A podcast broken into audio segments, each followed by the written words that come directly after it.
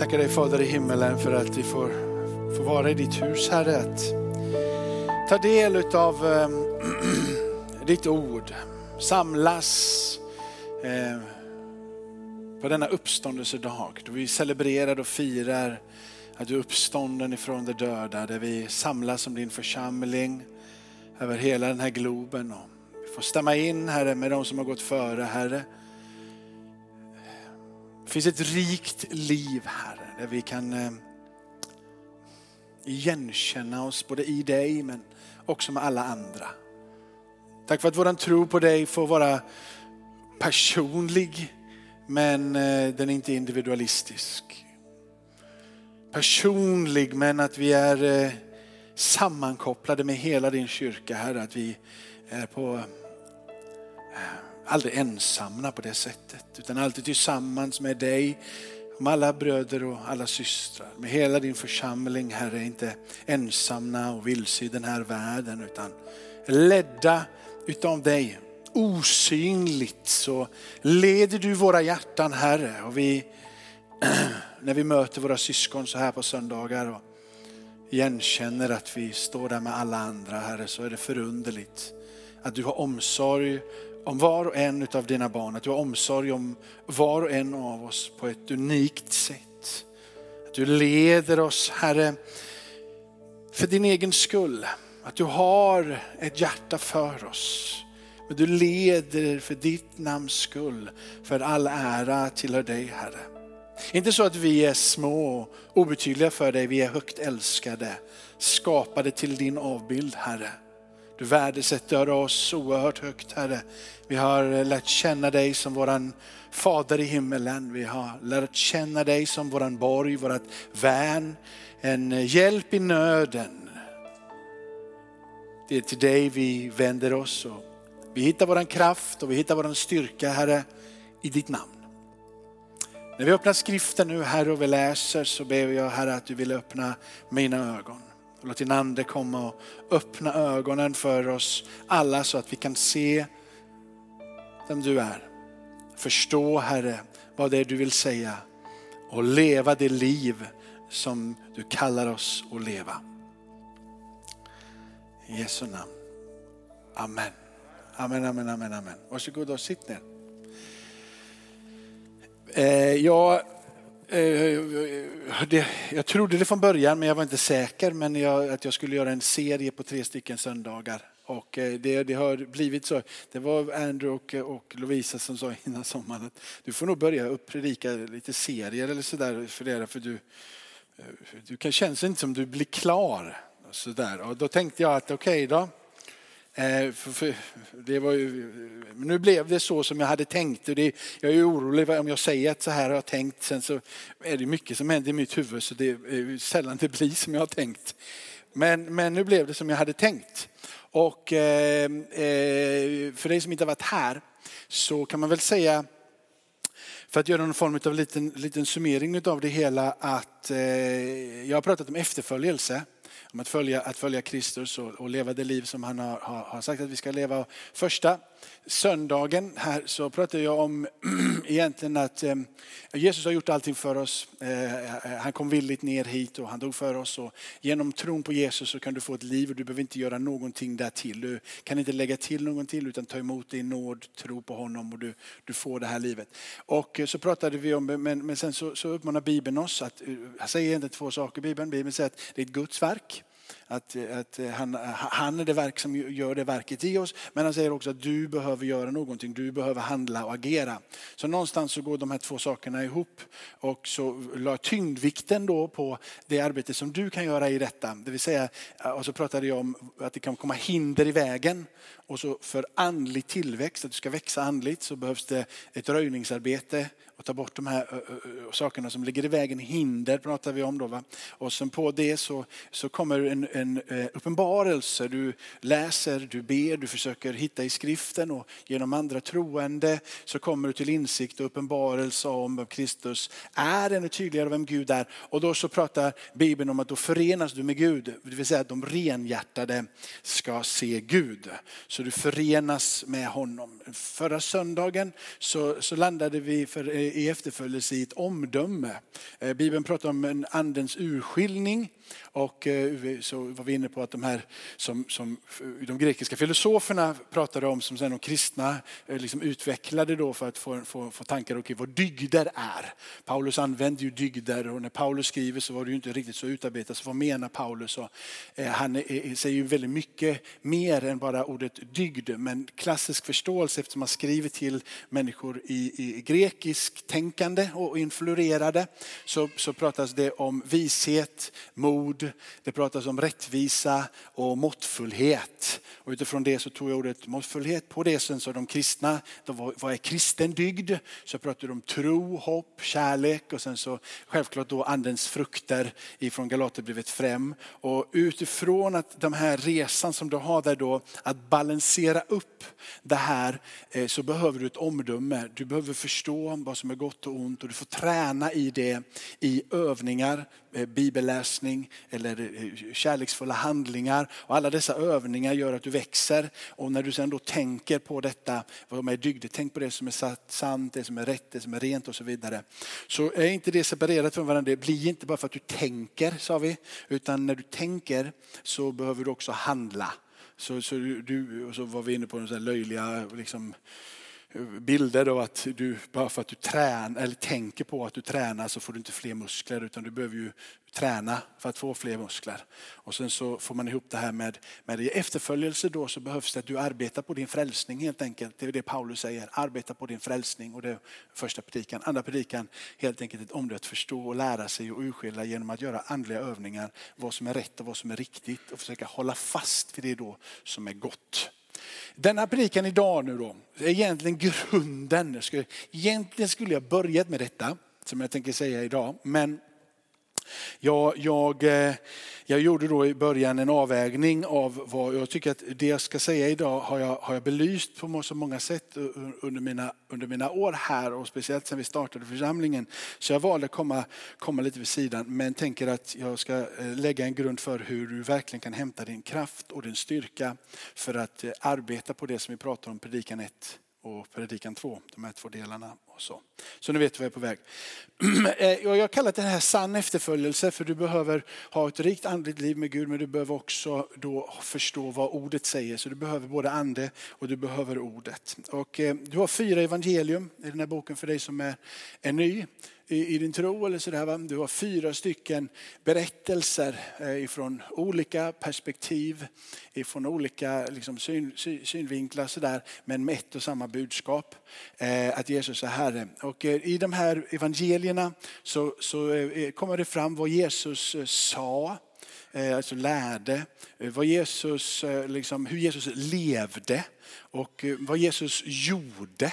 Och de här sakerna, vad han lärde, hur han levde och vad han gjorde, är det som ska forma din och min tro. Eh, se på mig, och när du ser på mig, säger Jesus, så är det en reflektion av vem Fadern är. Så, så som jag lär, så som jag lever och så som jag gör saker, eh, alltifrån helande under och tecken och så vidare, är en reflektion, en återbild av vem Fadern är. Så när du ser på mig och när du då hör evangelierna predikas, berättas och du läser dem så formar det din tro. Eh, och, och, det är det som, som, som får vara grunden för, för en sann efterföljelse. I det sen så, så, kan du se att övriga texter i Bibeln försöker för, förklara det här förhållandet. Eh, det vill säga ända från gamla testamentet till sista boken, uppenbarelseboken, så har du en berättelse över att vi är skapade till Guds likhet. Vi är skapade till Guds avbild. Hur den relation som fanns från början blir trasig och söndrad eh, och att eh, när syndafallet kommer in där så bryts den här, den här relationen som var där från början. Och sen så utgår de här texterna som finns nu då speciellt liksom i Nya Testamentet testamentet hur det är möjligt att komma tillbaka till en relation. Först och främst vem Gud är, men en eh, sann relation om också vem du är. En förståelse om vem jag är eh, utvecklas eh, enligt en biblisk förståelse när du ser vem Gud är och hur Gud ser på dig då formas du i ditt liv. Men det stannar inte bara av med att din upprättade relation med Gud och din upprättade relation till dig själv. Det går ett steg till och det är också den upprättade relationen till varandra. Så det, det, det, det, är inte, och det faktiskt stannar inte bara där heller, en upprättad relation till varandra, utan det är en fullständig upprättad skapelse. Allting har blivit återlöst och skall återlösas. Eh, det ligger i kraften i evangelium och tro på, på det som är sagt och utläggningarna ligger där. Eh, hur vi eh, blir påverkade av Jesu liv och Jesu gärning. Texterna som kommer. Så vi behöver dessa texter för att komma vidare i våra liv. Nu läser vi en text tillsammans från Romarbrevet kapitel 8 och eh, jag tror att det blir att detta blir den enda text som, jag, som, jag, som vi läser idag. Eh, alla som drivs av Guds ande är Guds barn. Ni har inte fått slaveriets ande så att ni på nytt ska leva i fruktan. Nej, ni har fått barnaskapets ande.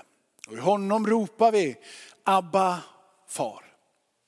Anden själv vittnar med våran ande att vi är Guds barn. Och är vi barn så är vi också arvingar. Guds arvingar och Kristi medarvingar. Eh, den denna kan ligga kvar här uppe så man kan, ja det var precis, ta det sista där med då. Och lika vi som vi vet att lider med honom också ska bli förhärligade med honom. Men du kan gå tillbaka och det, bara, det kan ligga där. Ehm,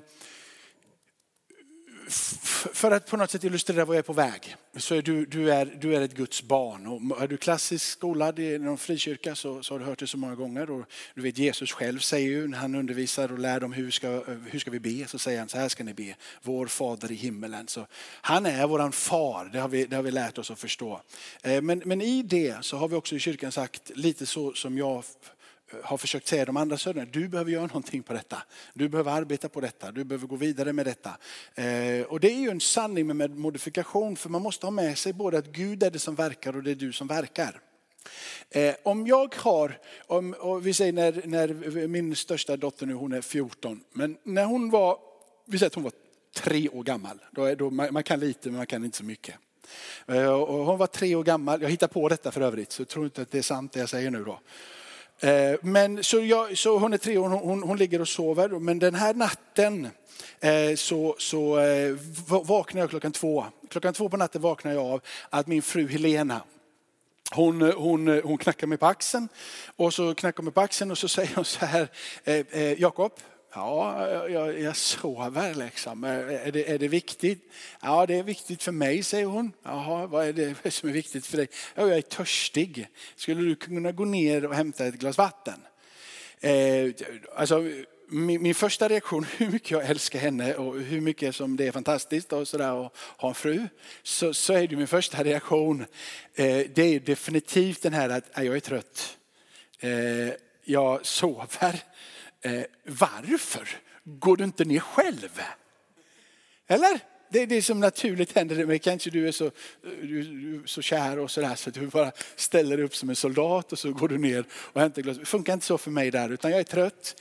Utan jag säger, nej men du, du kan gå ner själv och sen säger men kan du inte göra det? Kan du inte göra det för att du älskar mig eller vad hon nu än hittar på där.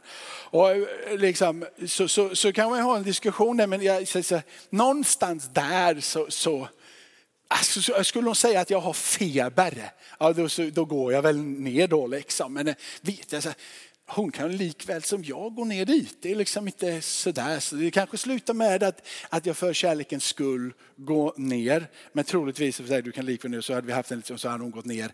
Eller så hade jag gjort det bara. Ni förstår vad jag menar. Så, eh, eh så natten efter, natten efter så kommer Novali tre år in. Och så kommer hon in och säger, pappa, jag är törstig. Kan du gå ner och hämta ett glas vatten åt mig? Nej, du kan göra det själv. Det är inte det första du säger till en treåring mitt i natten. Det är mörkt ute och liksom, du vet att hon klarar ju inte av det där ens. Du säger i ditt huvud, jag är trött, jag orkar inte. Men du reser dig upp. Utan en enda diskussion. Utan en enda förklaring, utan någonting. Du bara reser dig upp ur sängen. Det är klart jag går ner och jag hämtar ett glas vatten till dig. Det är ju en faderlig relation. Inte säga till denna lilla dotter, vad ynklig du är som inte har vuxit upp än. Vad tramsig du är som inte vågar gå ner. Vad inkompetent du är som inte klarar av att leva. Det är tur i alla fall att du klarar av att dricka själv. Det är ju inte responsen någonstans. För att vara en bra fader där, du reser upp utan att blinka och du går ner och du säger ingenting om det.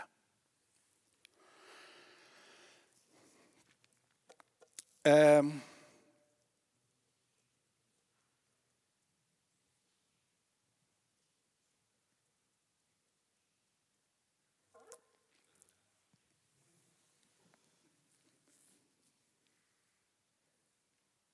Inte finns det en vettig mamma och pappa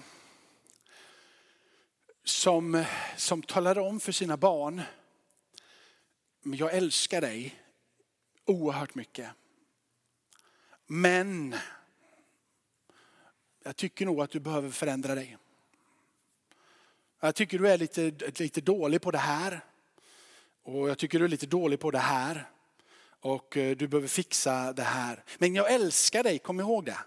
Jag älskar dig, kom ihåg det. Men du måste ändra dig på det här området. Du måste ändra på det här området. Det duger inte riktigt så som du är ska du se. Det fungerar inte i våran familj. Du behöver ändra dig. Och så sitter du här och tänker, ja men det fungerar att säga så. Ja, en gång.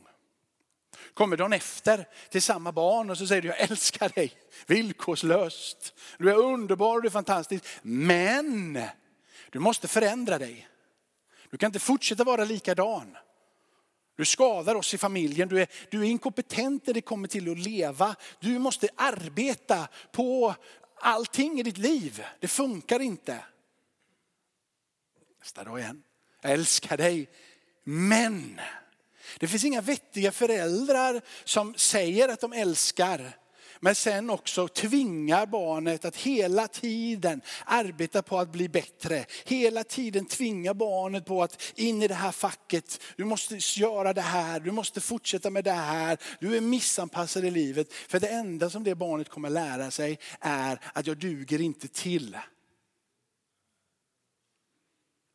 Barnet kommer att leva i rädsla och fruktan att inte leva upp till föräldrarnas standard. Och barnen kommer att misslyckas ständigt och jämt i livet. Varför? För att de känner att de är odugliga.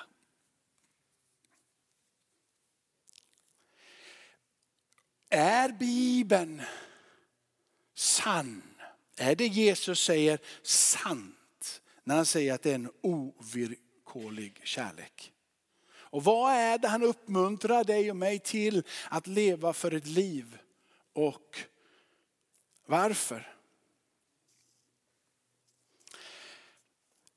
Jag tror att du behöver inte egentligen bli så otroligt mycket bättre. Utan vad du behöver förstå vad det är du har fått. Du behöver förstå vem du är.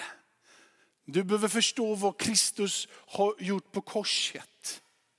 Den här världen har talat om för dig att du duger inte riktigt och du borde arbeta på det här och borde bli bättre på det här. Så när vi läser Bibeln så, kan, så, lägg inte, så vi lägger till ett förakt emot oss själva som vi har någonstans där bara för att vi upplever det utanför. Så när vi läser att han är våran fader som älskar oss ovillkorligt så kan vi inte fullt ut tro på det. Eh, den texten vi läser här är ju en klassisk text av att förstå att vi är Guds barn och vi är medarvingar. Och eh, eh, så här var det ju att i romarriket så adopterade man inte små bebisar som vi möjligtvis gör idag. Utan om det var någon som blev adopterad i romarriket som, som, eh, som är den här tidens liksom stora imperium i den regionen och så vidare. Så är det ju så att då var det en, en äldre man eller en medelålders man som de adopterade för att de behövde ha en arvinge. Så den här mannen hade troligtvis jobbat i huset. Om då det fanns eh, en fader i huset och den här fadern i huset inte hade en arvinge, inte hade en son. Så letade han efter någon som var värdig att få bli adopterad och kunna föra den här, eh, eh, liksom det som de ägde vidare. Och då så, då så tog man en medelålders man som skulle få ärva det här. Och det som händer då när man, när man är en arvinge, det är ju egentligen tre olika faser i att ta emot ett arv. För det första när du skriver på det här pappret för att vara en arvinge så går du ju bort ifrån dina före, före detta förutsättningar. Så du har förutsättningar här borta som du har levt i. Men när du skriver på det där pappret så är de där förutsättningarna helt borta. Helt borta, du har inte gjort någonting för det utan de är helt borta de förutsättningarna. Och så får du nya förutsättningar i livet. Och så är det med Kristus också. Att du tas bort ifrån de förutsättningarna som du har levt i, de som du har varit. Och med ett enda nu så har du fått helt nya förutsättningar tillsammans med Gud. Ett helt nytt liv. Du har blivit inadopterad och du är nu ett barn av den här familjen. Förutsättningarna är borta, det nya har kommit. Men trots att det här nya har kommit så är du nu i en familj där du faktiskt äger det. Men du kan inte fullt ut disponera det som du vill. För du har fortfarande en fader som finns i huset som ännu inte har dött. Så du kommer in i det här med helt nya förutsättningar. Det blir den förutsättningen som vi har i den här tidsåldern. Det är fortfarande så att vi har rätten och allting men, men vi har ännu inte sett det som kommer fullt ut. Den dagen vi ser det fullt ut är den dagen vi får komma hem. Och det finns ingenting som är skilt mellan dig och Fadern, dig och Gud. Du kan fritt och förintet skåda hans ansikte. Då har du tagit emot det här testamentet, det här arvet fullt ut. Och det är vårt hopp även i den här tiden. På grund av det så balanserar vi emellan olika saker. För det första så balanserar vi med att vi har lämnat någonting här borta. Och när vi har lämnat någonting här borta så är det så att om du skriver upp det på den här listan, på det här testamentet, den här resan tillsammans med Gud. Så är det så här att det får du egentligen lämna det förutsättningen här borta. Det är att se alla möjligheter som finns i den här världen. Alla möjligheter med utbildning som kan leda till självförverkligande. Det är förutsättningarna som finns i den här världen att komma vidare. Det är förutsättningarna i den här världen att och så vidare och så vidare och så vidare. Det är som de förutsättningar som finns i den här världen. Du avsäger dem i samma stund som du testament, blir testamenterad och blir en arvinge. Du kommer in i det här och du lämnar förutsättningarna. Alltså säger du ska gå ut ur ditt land. Gå ut ur ditt land så som Abraham tog emot kallelsen att gå ut ur sitt land. Nästa sak som händer är att du går ut ur det här landet. Men du ska också gå ut ur det som har varit de före detta olika kulturella eller din sätt att förhålla dig till människor och omständigheter, relationer. Du behöver gå ut ur det som har format dig till att du har blivit den du har blivit. Och insätta dig i det nya testamentet och lära dig att leva med dina nya förutsättningar. Helt plötsligt har du fritt disposition till all kärlek det har du inte haft innan. Du har avsatt dig de förutsättningarna, världens förutsättningar. Men du har kommit här nu in på en plats där du också lämnar ditt sätt att vara. Men fritt och förintet förutsättningarna att få uppleva Guds eviga frid på din insida. Som ligger i att vara ett Guds barn som inte låg där innan. Så du behöver inte bara gå ut ur landet med alla de möjligheterna. Du går också ut ur din fars eller din, din släkt, hela ditt sammanhang. Det som innan har format dig och gjort dig till den du är. Och så ska du sättas in i ett helt nytt sammanhang där du nu har fritt möjlighet att vara tillsammans med Gud och med de möjligheterna. I det så har du det som ligger dig absolut närmast. Det som är den fulla liksom, arvslotten. Att vara där precis i din faders hus. Eh, och jag skulle vilja säga att när du lämnar din faders hus, lämnar det gamla och går in i ett nytt faders hus. Så är det som att du lämnar helt och hållet de begränsningar som har bundit dig. Du startar en helt nytt förutsättning för ditt nya liv. Och det lättaste sättet att se det här framför dig om du ska komma till platsen av att vara, känna att jag är fullt ut ett Guds barn. Det, är, det lättaste för mig, det var att för mig att komma ihåg det här, det var hur jag mötte livet från den dagen jag inte vandrade fullt ut med Gud. Men när Guds kärlek fick omfamna mig och jag blev förvandlad på insidan. Och hur jag då mötte samma situation utanför. Det var en gigantisk brottning för om jag innan hade upplevt att någon där förtalade mig så kunde jag agera med alla de förutsättningarna som jag hade i den här, i den här platsen i livet. Med alla erfarenheter där. Hur handskades jag med det? Ja, var det någon som gör på skolgården liksom när jag var liten? Ja, då kunde jag ju slåss. Liksom, så, så, tar man med sig de där beteendena in. Helt plötsligt så har jag ett helt nytt testament över mitt liv. Jag har en helt nytt livsförhållande. Där jag kan fritt ta ut av den deposition som ligger där av kärlek, frid och glädje. Och sen så försöka möta situationen här med helt andra medel. Helt andra. Och det är ju din resa med Gud. För den är fruktansvärt jobbig. Det är det jag säger, arbeta på i helgelse. För helt plötsligt så vet du att det är rätt att möta någon med kärlek. Men i det har du ett mönster som säger jag ska egentligen bli lite irriterad. Och där börjar allting. Det blir så, det blir sådana spänningar. Och det blir som kamp i dig. För du vet vad som är rätt men du kan inte. Du orkar inte. Det är som kamp i dig. Jag vill men jag förmår inte. Jag vet men det går inte. Och det enda sättet att förlika dig med den situationen, och det kan vara både i stort och i litet. Ända från att ha blivit mest hemska kan komma våldtagen.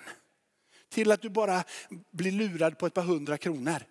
Det är samma liksom, känsla som drar igång. Hur ska jag bemöta det här? Med det gamla eller med det nya liksom, medarvinge, Guds barn. Hur ska jag möta det här?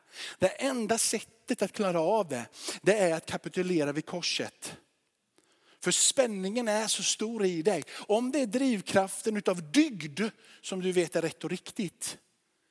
Det vill säga att jag ska älska. Och du vet att du ska älska men det går inte. Och sen så bestämmer du för att jag ska ändå älska på något sätt. Och så trycker du undan det där som vill resa sig upp på insidan. Så blir det dygd. Ja, men det kommer inte från det förvandlade hjärtat. Det bästa sättet att hantera både det som är här patetiskt på ett sätt och det som är här är det största. Det är att komma till Gud och säga jag kan inte detta. Jag orkar inte detta. Jag ger upp. Och när du ger upp, det är då han kommer. Och det är då han säger, du är min älskade. Du är mitt barn. Jag har allting för dig. Gå in i mina gårdar med tacksägelse. Gå in i mina gårdar med lov. Jag tar hand om dig. Du behöver inte kämpa själv.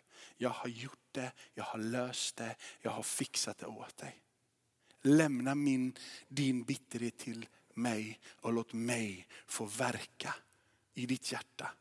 Så att du känner, förstår att du är Guds barn. Psalm 146 om det är din, är din bok. Det, det, är nämligen så att Bibeln är så tydlig med detta men vi har så svårt att leva i det. Eh, är det fem minuter kvar Benjamin? Då är det så här att eh, i, i, i psalm 146 och från vers 5 och framåt så skulle jag vilja uttrycka ungefär så här. Eh, om du, om, du, om du vill uppleva Guds ingripande, om du vill förstå att du är ett Guds barn så beror det inte på dig. Det är inte, det är inte våran fria vilja som befriar den fångne. Det är inte din fria vilja som befriar dig, utan det är Gud som befriar dig. Det är inte våran kraft, din kraft som rätar den krökte rygg eller den som är morsloken liksom. Utan det är Gud som gör det. Det är inte våran iver att läsa ordet, skriften, som öppnar våra ögon. Utan det är Gud som öppnar våra ögon. Så hur mycket jag än undervisar detta och du känner nu börjar jag förstå någonting och det börjar hända någonting. Så är det inte för att du har hört mig predika. Det är vad Gud i så fall har verkat på ditt hjärta och öppnat dina ögon så att det har börjat landa. Jag kan inte öppna det, du kan inte öppna det, men Gud kan öppna det. Det är att kapitulera framför korset och säga jag orkar inte, jag kan inte, jag fattar inte. Men du ger upp och han öppnar. Det är inte våran vaksamhet och att vi kan liksom förstå allting som skyddar oss. Utan det är Gud som skyddar till och med främlingen. Det är inte våran kraft och våran styrka utan när vi vacklar och går fel och vi kommer igenom så är det för att Gud var där. Det är Bibelns budskap hela tiden, om och om igen. Det är Gud som i allting är upphovet till din goda vilja att vilja följa honom. Det är Gud som är initiativtagare till att du vill se honom och att du vill röra dig mot honom. Gud kan i sin nåd ibland tala till folk direkt och öppna ditt hjärta. Eller så använder han någon annan, Emil eller någon annan här som talar till dig och säger, har du tänkt på detta? Och så öppnar Gud hjärtat. Eller så använder han sig av det som jag har fått uppleva så många gånger som man önskar och ber att man inte skulle få uppleva. Och det är nöden. När man kommer i trångmål, när man inte vet utvägen längre och man mår liksom bara, jag bara ger upp nu. Hur många gånger har inte Gud använt sig av det för att väcka min längtan efter honom?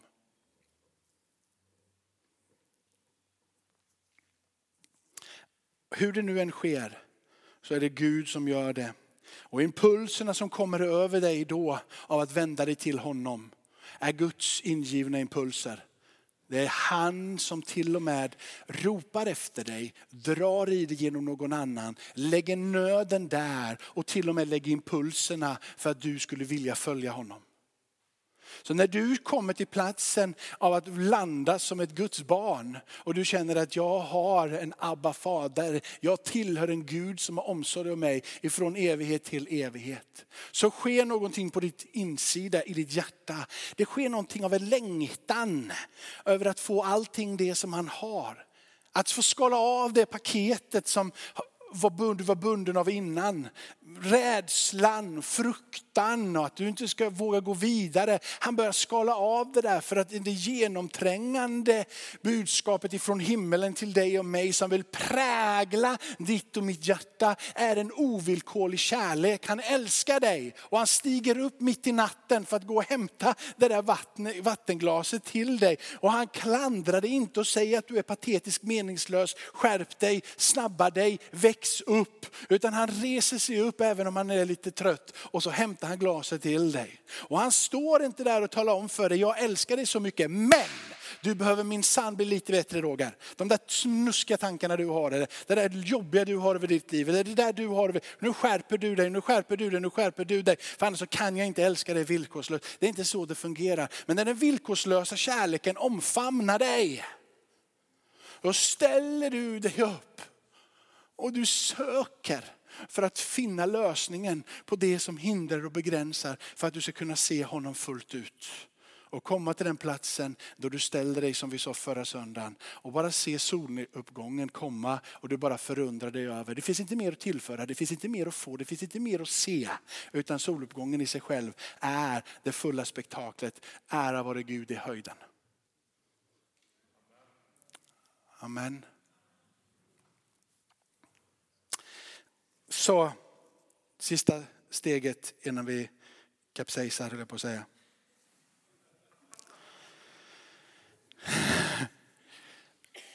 Vi får aldrig glömma och vi får aldrig vara okunniga. Hur outtröttlig du än är på att arbeta på din helgelse. Du har disciplin som en, som en jag vet inte vad. Och du gillar att anstränga dig och kämpa för du har det där, det där liksom fina i dig att allting ska vara perfekt. Så du kan ju kämpa som en blådåre. Hur mycket du än liksom är där så får du aldrig någonsin tro att det är du som presterar ditt kristna liv. För det går inte. Det är bara när Gud får verka som det kan bli vad det var menat att vara.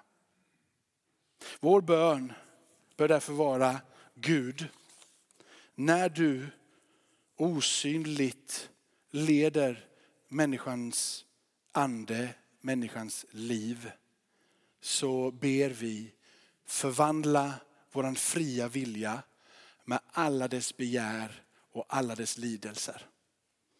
Så vi kan följa dig fritt. Är det okej okay så Bengt? Amen. Jag tackar dig Fader i himmelen för att du verkar i den här stunden Herre. Du verkar i den här stunden för att vi ännu mer ska förstå vikten av att vara dina barn och vara i ditt hus Herre. Och iven och kärleken som gör oss liksom motiverade att möta livet med helt andra verktyg. Så vi ber att du öppnar denna nya verktygslåda som vi, som, som vi har börjat lite fippla lite i Herre. Men vi plockar upp kärlek när det behövs Herre. Och vi plockar upp din frid när det behövs Herre. Vi vill lära oss att leva i de redskap som du ger Herre. Så att situationerna i livet Herre inte blir mer komplicerade. Utan att du förunderligt griper in. Och så ber jag, led oss. Den osynlige ende guden. Vi kan inte se det här. Men Bibeln är klar. Du leder våra hjärtan. Led mig. när vi ber för varandra här, kom med din ande. Fyll oss, tänd oss, inspirera oss. För att leva det liv som vi är kallade. Vi vill se, vi vill höra, vi vill lära oss och vi vill följa dig Jesus.